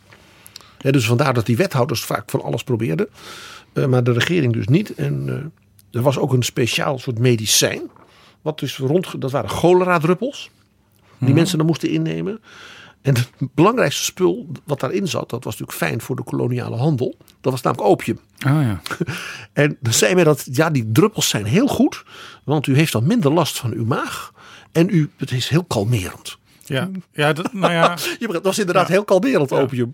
Maar ja, het, het hielp natuurlijk niet tegen de cholera. Nee, het, het, bestreed, het bestreed wel de pijn, maar niet de, de oorzaak. Precies. Nou, eh, de minister van Financiën, graaf Schimmelpenning van Nijenhuis, die stuurde in juni een circulaire naar alle kerken. Dat is een van de voorouders van Sander Schimmelpenning, de hoofdredacteur van Quote. Nou, dan moet u maar even nu niet luisteren. Eh, die zei tegen de synode en de kerkelijke autoriteiten: kunt u niet een algemene bededag voor de gezondheid en, ter, de, en de bestrijding van de cholera doen? En dat was een circulaire van de regering. En je begrijpt, in het licht van de grondwet van 1848 van Thorbecke... Scheiding van kerk en staat. Was dit natuurlijk, um, ja, nou, constitutioneel was dit kwestieus. Dus hij, de, hij was zoiets van of ze het in overweging wilde nemen. Uh, ik ga er natuurlijk niet over. Maar de koning, daar is hij weer, koning Willem III, die vond dat toch belangrijk. Dus hij ging een beetje achter die koning schuilen. Die ja, je weet hoe boos hij was op Thorbecke. Dat hij niet meer hè, ook de baas van de Nederlandse de Kerk meer kon zijn. Dus Willem III en deze minister gebruikten deze situatie ook nog. Om zeg maar fundamentele aspecten van de grondwet van Thorbecke te ondermijnen. Je moet maar durven. Schandelijk. Ja, overigens een, een bededag die dan door Graaf Schimmelpenninck, de minister, uh, werd, werd gesuggereerd. opgeroepen van ga dat maar doen. Doet mij ook denken aan het beeld wat ik uh, afgelopen week zag van Mike Pence, de Amerikaanse vicepresident, die door Trump belast is ja, met de bestrijding van het coronavirus in Amerika. Het eerste wat hij deed was zijn medewerkers bijeenroepen en uh, gezamenlijk in gebed gaan. Dat lijkt mij voortreffelijk. Bidden om kracht, om inspiratie, om moed. Geen mens wordt er slechter van. Dat is iets anders dan het gebruik om de grondwet een beetje te ondermijnen. Dat is met name mijn punt dat ik zeg dat je dat als koning je minister laat. Hè, dat is duidelijk, dit kwam van Willem III. En, en, en het is ook iets anders dan gewoon aan, de, aan het werk gaan en maatregelen nemen. Ja, waarbij je zegt, God helpt hen die zichzelf helpen. Hè? Nou, op 5 juli ging de synode van de hervormde kerk uh, akkoord. En spoorde de kerkraden aan van de hervormde gemeente om op 22 juli een algemene bededag te houden. Waarbij in de liberale kranten werd geschreven: wie bedenkt zoiets? Het is dan ongeveer op het warmste van het jaar. En dan ga je allemaal mensen bij elkaar brengen die natuurlijk allemaal ja, in de kerkbanken zitten. Als je nou echt wil dat de cholera verspreid wordt, moet je het zo doen. Als het een door de weekse dag was, dan waren de liberalen natuurlijk ook nog bevreesd dat de handel zou inzakken die dag. Het zou natuurlijk slecht zijn voor het bedrijfsleven. Het blijven liberalen. Hè? Het is goed dat jij het zegt. Je begrijpt dat dit had dus een politiek, al meteen een politiek, mag ik zeggen, controversieel gevolg. Namelijk dit, dit optreden van de minister duidelijk opgejut door die malle koning Willem III. Maar er was nog een ding. Die gemeenten, die zagen dus die mensen met duizenden doodgaan. En die zeiden, ja, dit kan niet. Dus de liberalen, dus toen dus zeg maar de elite van mhm. de bestuurders, die zei, dit kan zo niet langer. En het is ook niet wat Torbekke dacht. Dat moet dan het particuliere initiatief doen. En die zei, nee, wij als stad, wij als bewindsvoerders, provincies, maar ook het Rijk, moet hier dus zelf regulerend, coördinerend, investerend gaan optreden. En ellende was gewoon ook domweg te groot geworden om het nog aan particulier initiatief over te laten. Je kunt niet tegen bewoners zeggen: je bezorgt zelf maar van riolering onder je huis. Dat moet de gemeente doen. Daar heb je bovendien ingenieurs voor nodig. die, die dingen moeten kloppen. Ja, en ook, Daar heb je dus kennis voor nodig van de, de TU Delft en dergelijke. Een ziekte die iedereen kan raken. Ja, een betere uh, reden voor het aanroepen van het algemeen belang is er natuurlijk niet. Precies. Dus dat duinwaterleiding kwam dus daardoor. Je had het al over een man als Sarfati. Uh, het bestrijden van ziekte door goede ziekenhuizen. Zorgen dat mensen hun handen wassen. Ook toen al. Ja? Artsen deden dat in die tijd niet. Uh, dus ook riolering. Het feit dus dat in Amsterdam de grachten werden uh, gedempt. Dat is dus mede een gevolg hiervan geweest. Ja, en over.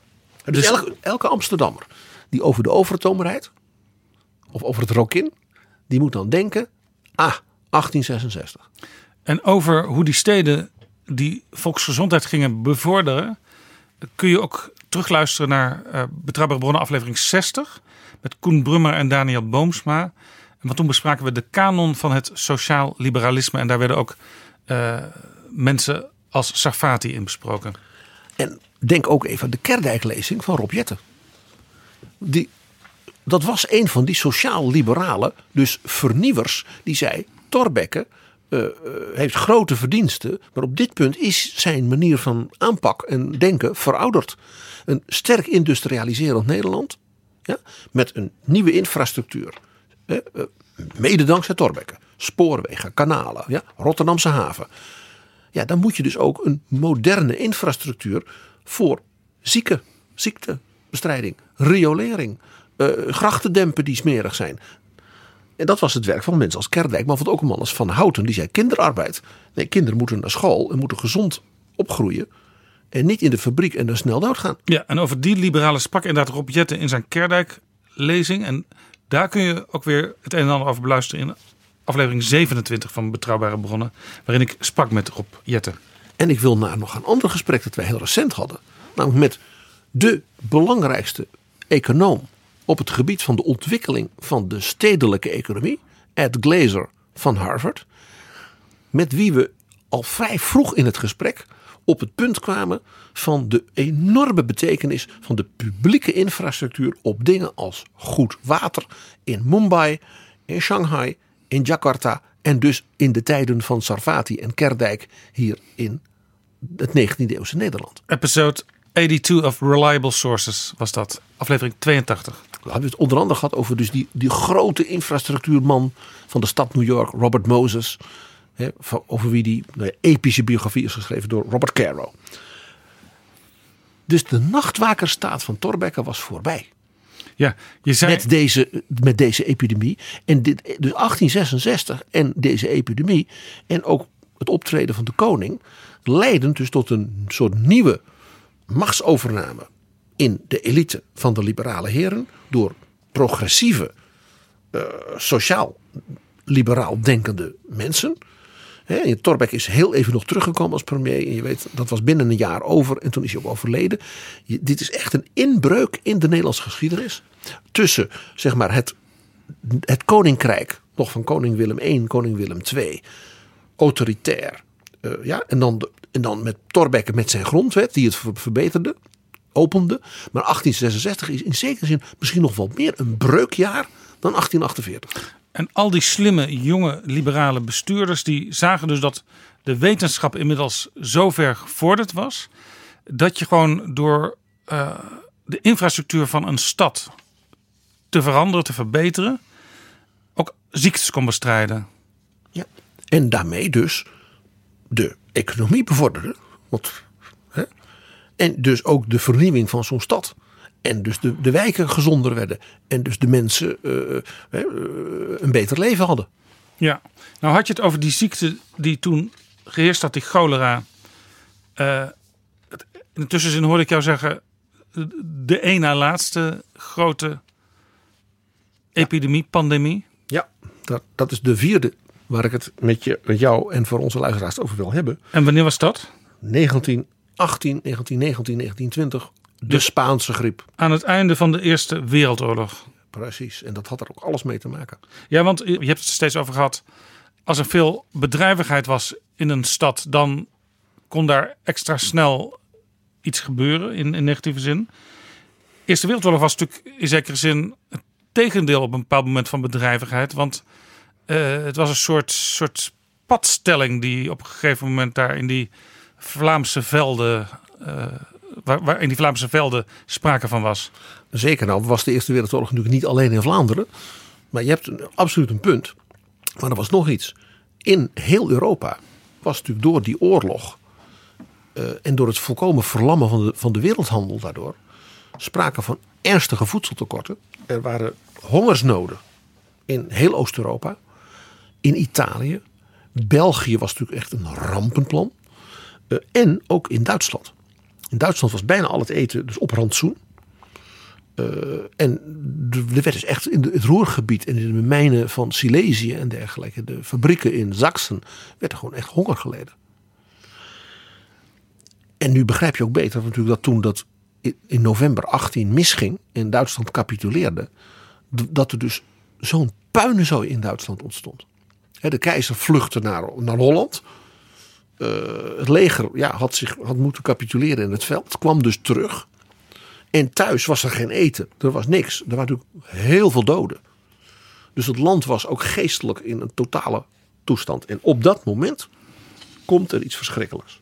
Op 4 maart 1918 in Kansas. Dan denk je, Kansas? Ja. Daar was een militair kampement Camp Funston. En daar overleed de kok. Albert Gitzel. En die had griep. En dat bleek een nieuwe variant van het griepvirus te zijn. En de Amerikaanse soldaten die dus naar Frankrijk kwamen ja, om de Duitsers te helpen verslaan, namen dat virus mee naar Europa. Oh. En dus in Europa, waar de mensen dus verzwakt waren door de oorlog, honger uh, ja, en ellende. Kon zo'n virus extra hard toeslaan? Van de soldaten die zijn overleden in de Eerste Wereldoorlog, Eerste Wereldoorlog zijn overleden door deze griep. Niet door de geweldhandelingen. En dat was de Spaanse griep? De Spaanse griep. En die heet Spaanse griep omdat de, de, de identificatie in Europa dat er iets gaande was, kwam uit de Spaanse kranten. Ah. Zo gaan die dingen. En dat werd de Spaanse griep genoemd. Er is dus niets met Spanje van doen. Nou, de impact hiervan was wereldwijd. Eigenlijk daarmee vergelijkbaar dus met de zwarte dood. Uh, om je een idee te geven, in India waren de effecten zo enorm dat het geboortecijfer 30% daalde. Uh, en er een enorme dreun was voor de landbouw. Dus in India kreeg je en ziekte en honger tegelijkertijd. Dus dat was rampzalig ook voor het Britse bewind, wat natuurlijk toch al natuurlijk door die oorlog ook uitgebloed was. Hè? Nou, in Oekraïne, Rusland, uh, grote hongersnoden. Ook doordat ja, de boeren allemaal doodgingen. Uh, voor, voor zover ze die dus niet in, in, ja, in het, in, uh, aan het vechten waren. Nou, je begrijpt, het valt natuurlijk samen met de volledige instorting van het Tsarenrijk. en de communistische revolutie en de burgeroorlog natuurlijk in wat toen Rusland was en de Sovjet-Unie, dus tot 1922 heeft geduurd. Precies deze periode. Ja. Eén op de drie mensen op aarde is besmet geweest. Weer één op de drie, eigenlijk wat eerder ook al sprake van was. Een half miljard besmette mensen, waarvan 50 tot 100 miljoen zijn overleden. Dus dat is tussen de 2,5 en 5 procent van de hele wereldbevolking. Nederland had toen 6,5 miljoen inwoners. Daar zijn er 30.000 van overleden. Dat zou betekenen in het Nederland van nu 80.000 mensen. Ja. Onder, mijn, onder andere mijn oma is toen wees geworden. Ze was, haar vader was al met 12 aan wat toen suikerziekte heette gestorven. En toen is haar moeder gestorven die kanker had en door die griep uh, geveld. Ja, ook weer een voorbeeld van iemand die al verzwakt is. Ja. Krijgt een laatste duwtje. Dat heb ik uh, haar hele leven van haar gehoord. Hoe verdrietig ze daar altijd over gebleven is. Nou, het aantal geboorten in Nederland, net als in India, kreeg een enorme dreun. Dus tussen 1918 en 1920 ging de bevolkingsgroei van Nederland van ruim 2% per jaar naar nauwelijks een half procent per jaar. Dus ook dat is natuurlijk een indirect effect, impact van zo'n epidemie. er gaan veel meer mensen dood.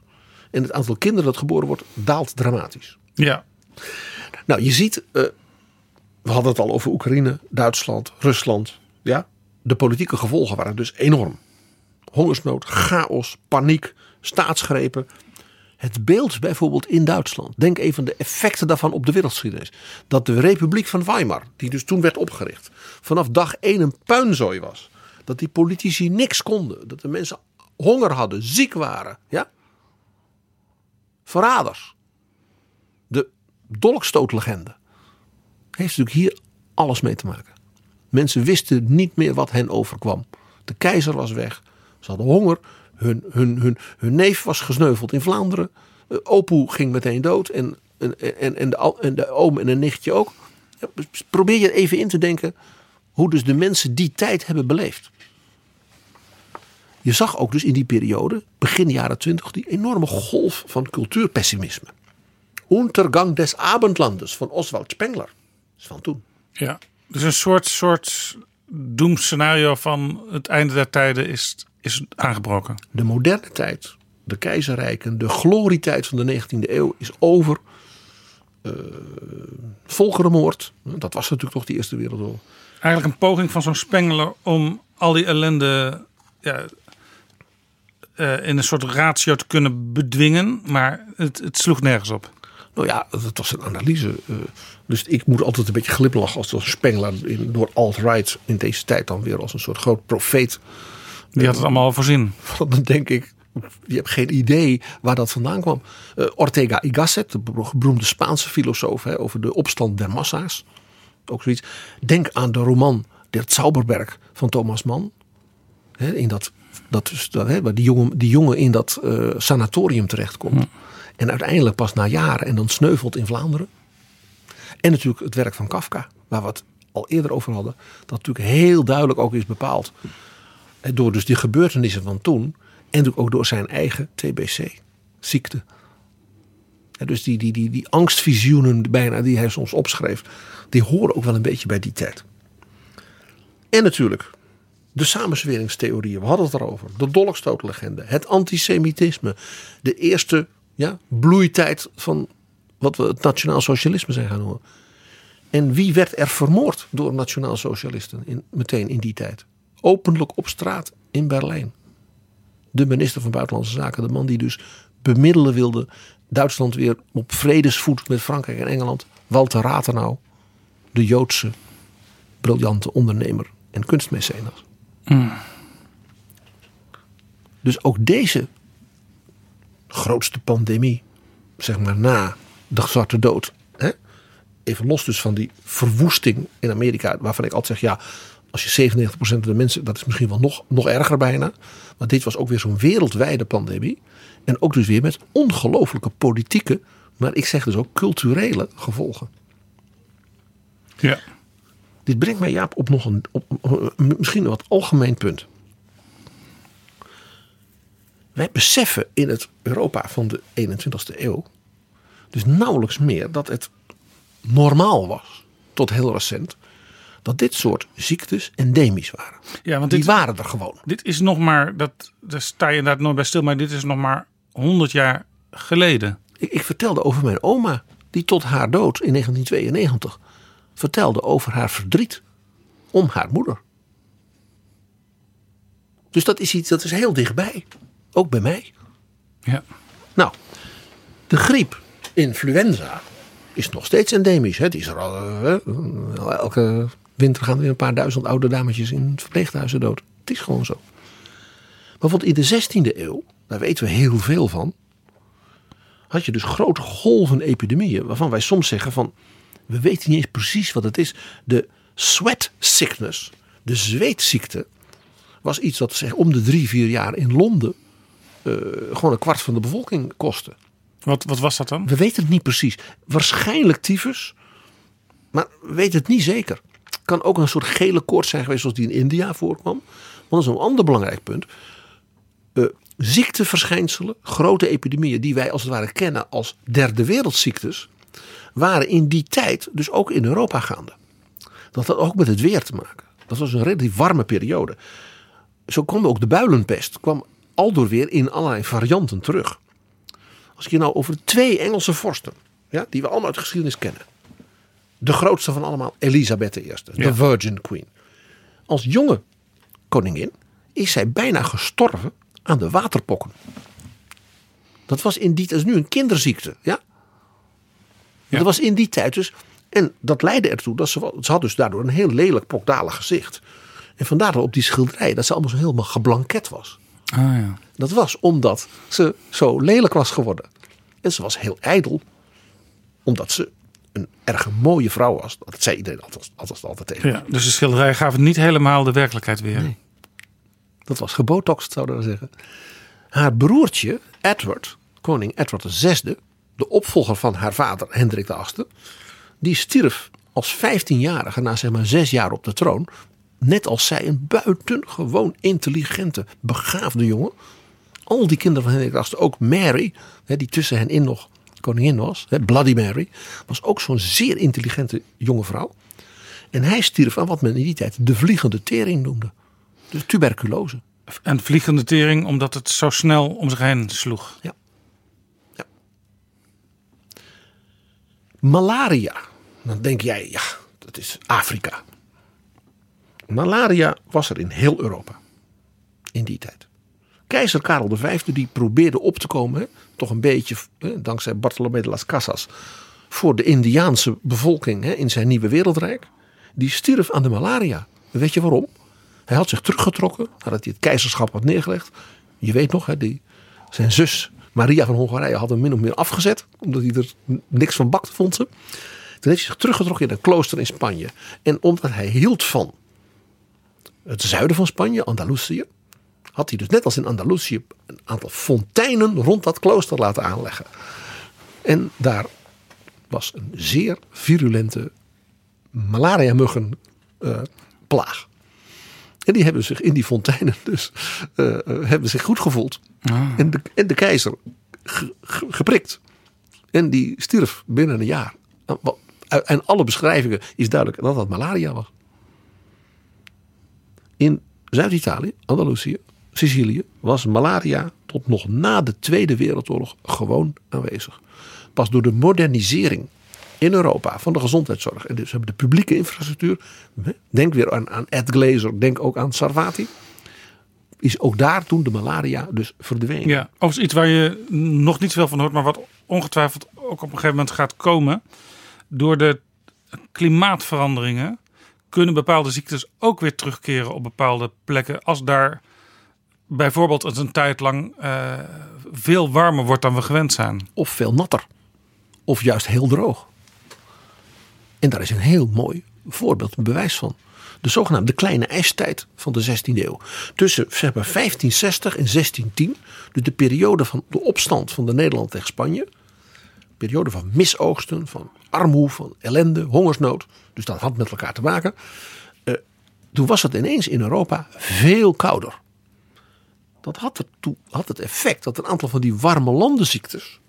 Hè, zoals je dus in Londen daarvoor nog had. Hè, de sweat sickness en dat soort dingen. Dat die dus door de kou eigenlijk uit Europa verdwenen. Dus klimaatverandering, zelfs een kleine, een korte, van een jaar of 40, 50, kan dus enorme effecten hebben op de gezondheid van mensen. En dus ten positieve en ten negatieve. Juist. Nou ja, uh, ik noemde het al, de vliegende tering, de tuberculose, was nog heel lang, letterlijk 100 jaar geleden, nog volkomen endemisch. Zowel Frans Kafka als Marcel Proust. Dus de grootste schrijver van het Duitsstalige gebied. Als de grootste schrijver van het Franstalige gebied van de 20e eeuw. Stierven ongeveer in hetzelfde jaar als jonge mannen aan tuberculose. Mijn opa werd in die tijd als student verpleegd voor TBC. Is ook genezen, maar dat had een enorm effect op zijn hart. Hij is dus relatief jong gestorven aan een zwak hart. Dat hmm. was dus ook een effect nog van de tuberculose. En ja, Jaap, je begrijpt de opera. Opera? De beroemdste, meest geliefde, romantische opera's van de 19e eeuw. 19e eeuw. De ene eindeloze sterfscène na de ander. Waarin de geliefden afscheid van elkaar nemen. Jong sterft zij natuurlijk aan de TBC. Of een andere ziekte. Maar oh, wat doet dat het goed natuurlijk. Hè?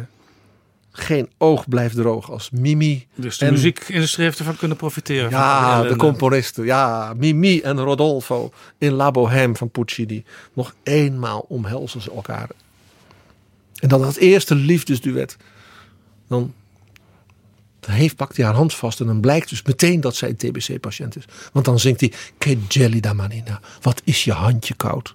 Want bij TBC hoort dus dat je de bloedsomloop niet meer zo goed is. Che gelida manina. Ah, ja, ja. Zelfs daar werken dus dit soort epidemieën door. Het is al een tijdje geleden dat het woord opera viel in betrouwbare bronnen, maar uh, het is weer terug. Ja, wacht maar tot het slot. Zullen we eens kijken of we voorzichtig een paar soort lessen uit de geschiedenis kunnen trekken op dit punt. Ja, trek eens een paar lessen, want we zijn al anderhalf uur aan het praten. Goed. Uh, het eerste. Autoritaire regimes, hè, zie tsaristisch Rusland, Duitsland, ja, kunnen dus in zo'n fase van paniek uh, en dergelijke destabiliseren. Repressie lukt dan niet meer. En dan kan dus het hele apparaat instorten. Ook omdat de bevolking geen enkel idee meer heeft dat er nog op een uh, gezagvolle manier geregeerd wordt. Precies. Want je, kunt wel, je kunt wel, zeg maar, democratische ideeën hebben, maar tegelijkertijd, ja, mensen worden niet snel boos als het leven zijn normale gangetje gaat. Maar als er dan een enorme ziekte is en daar wordt niks aan gedaan, ja, dan of het, men wel anders. Of men ziet dat de keizer geen kleren aan heeft. Om het even bijna letterlijk, hè, als het gaat om Duitsland en Rusland. Uh, uh, het is niet toevallig dat uh, Kim Jong-un zo paniekerig is. Hij roept, bij ons gebeurt het niet. En terwijl iedereen weet dat het enige land waar voortdurend grensverkeer mee is, is China. Ja. En nou ja, de berichten gaan, een soort geruchten, dat het in Noord-Korea dus een, grote puinzooi is. Ja. Door de zeer slechte gezondheidszorg. En het lastige is natuurlijk als het echt uitbreekt, als er ineens mm, tientallen gevallen zijn, dan moet hij dus maatregelen nemen zoals in China gebeurd, zijn, gebeurd is, zoals in China gebeurd is. En dan valt hij door de mand. Want dan gebeurt er iets wat niet had kunnen gebeuren. Vergelijkbaar Iran. Dat een opmerkelijk uh, uh, ja, brandhaard is van dit virus. En dat heeft misschien ook dus te maken met de structuur van de manier waarop zo'n land geregeerd wordt. Dat geldt ook voor China. Dus dit vind ik een, een, een opmerkelijk element om voor in deze tijd hier naar te kijken. Als, bijna als waarnemer. Vanuit dus die historische lessen. Tweede punt, is natuurlijk heel helder. Eigenlijk bij al die dingen, behalve misschien in 1866 hier in de Nederlanden, de explosie van samenzweringsgeloof, magisch denken, jodenhaat, de vreemde als vijand, mensen verwijderen. Ja, wat je nu ook meteen weer ziet met partijen die dat toch normaal al doen, die roepen nu ook weer de grenzen sluiten. Ja, en allerlei rare dingen van mensen tegen Chinese mensen uh, ja, in de trein. Uh, mensen die roepen je moet niet bij de Chinees gaan eten. Ik bedoel, ja? Ja. Uh, dit, ja, ik zeg het maar, dit is dus hetzelfde soort denken. Qua patroon, qua emotionele eruptie, als natuurlijk in die middeleeuwen. We zijn echt niet zoveel ja, heel, heel duidelijk. En een derde punt, dat zagen we natuurlijk. In de naeil onder graaf Albrecht. Van wat doen we met die kinderen? Die collective action, die civil, civil society die ineens ontstond. Samen dingen doen. Snel publiek handelen. De wethouders ja, uh, tegen de regering in Den Haag die er een potje van bakte ja, in 1866. De paters die tegen de keizer zeiden: U moet ingrijpen, want dit gaat niet goed. In Spanje, in Amerika. Ja. Dat is interessant. Dus het, het maakt ook krachten vrij. Waarin mensen zeggen: Ja, wij zijn lotgenoten. We zullen het samen moeten ja, zien te rooien. Want je ziet nu dat in alle Europese landen toch net weer een iets ander beleid wordt gevoerd. Bijvoorbeeld, net over de grens in Duitsland uh, worden maatregelen genomen die aan de Nederlandse kant van de grens nog niet gebeuren. Er is een Griekse eurocommissaris, zij houdt zich bezig met volksgezondheid. En die roept de ministers van volksgezondheid bijeen. Maar zij kan, niet, zij kan zich niet baseren op uh, reeds bewezen Europese samenwerkingsregels, want die zijn er op dit terrein eigenlijk nog nauwelijks. Ja, de, de, de, het virus in dit verband zou een eind kunnen maken van het, aan het virus van het geloof in de Europese superstaat. Want, Want dit bewijst dat die superstaat er in ieder geval op dit terrein niet is. En sterker nog, dat we wel een soort van, misschien geen staat, maar in ieder geval een, een, een diepe samenwerking nodig hebben op zo'n terrein als volksgezondheid. Je zou hopen dat de beste koppen in Europa ja, op het gebied van medische R&D en de verstandigste bestuurders en ministers en ziekenhuis uh, zeg maar, coalities, dat die zeggen: ja, het maakt mij niet uit of, of ik nou iemand help in Italië of in Nederland of in Portugal. Nee.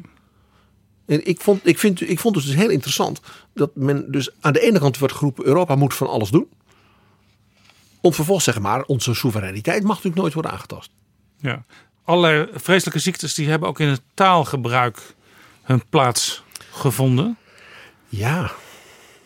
Ik herinner mij bijvoorbeeld uit de jaren tachtig Jacobsen van S. De vrije jongens van de tegenpartij. Want die riepen om de haverklap. Krijg nou de vinketering. Krijg nou helemaal de vinketering, De vinketering is een uitdrukking uit dus de jaren twintig in zowel Amsterdam, Rotterdam als Den Haag. Wij denken nu omdat het echt Haags is. Maar dat we weten uit de etymologie dat dat wel een echt stedelijke uitdrukking is. En echt dus in de tijd dat dus mijn, mijn opa als jongen uh, dus een TBC-patiënt was. En gelukkig nog genezen is. En had dat iets ook met eh, het vogeltje vink te maken? Geen idee. in ieder geval niet met, met het vogeltje van Twitter. Tweet, tweet. Nou ja, uh, ja de beroemdste epidemische patiënt in de kunst. We weten ook allemaal wie dat is. Violetta Valéry. De hoofdpersoon van de roman van Alexandre Dumas. De dame met de camelia's. La dame camelia. En dat boek was de inspiratie voor, voor velen wel de mooiste en voor de meest aangrijpende opera van Giuseppe Verdi, namelijk La Traviata. Uh, dit gaat over een courtisane in Parijs, bemind door graven, edellieden. En zij valt voor een jongen, Alfredo. En dan verstoot ze hem. En dan sterft zij aan tuberculose. En dan komt hij nog een keer bij haar langs. Ah, maar dit is een sprookje dat niet goed afloopt. Nee, het is een opera van Verdi. Een mooie opera loopt natuurlijk slecht af. Maar je begrijpt dat slot. Dan denkt zij namelijk dat ze door de koorts die ze dan krijgt, dat ze weer kan leven. Dan staat ze op en dan zingt ze Rinasje, Rinasje, ik herleef, ik herleef. Want hij is teruggekomen. Ja. Om en haar, zij zien elkaar. En hij, weet dat ze sterft. En, en zij denkt, ik leef weer, ik leef weer. Dat horen wij nu. En we horen nu Maria Callas natuurlijk. Het was haar glansrol.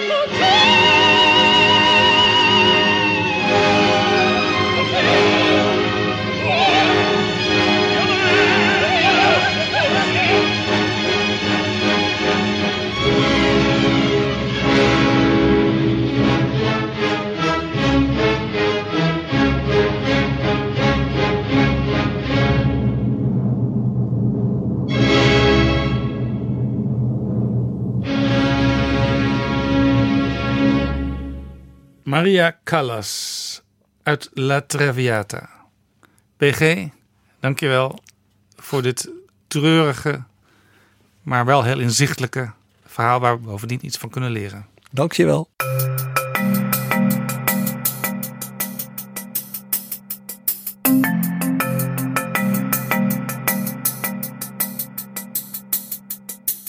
Zo, dit was Betrouwbare Bronnen, aflevering 91.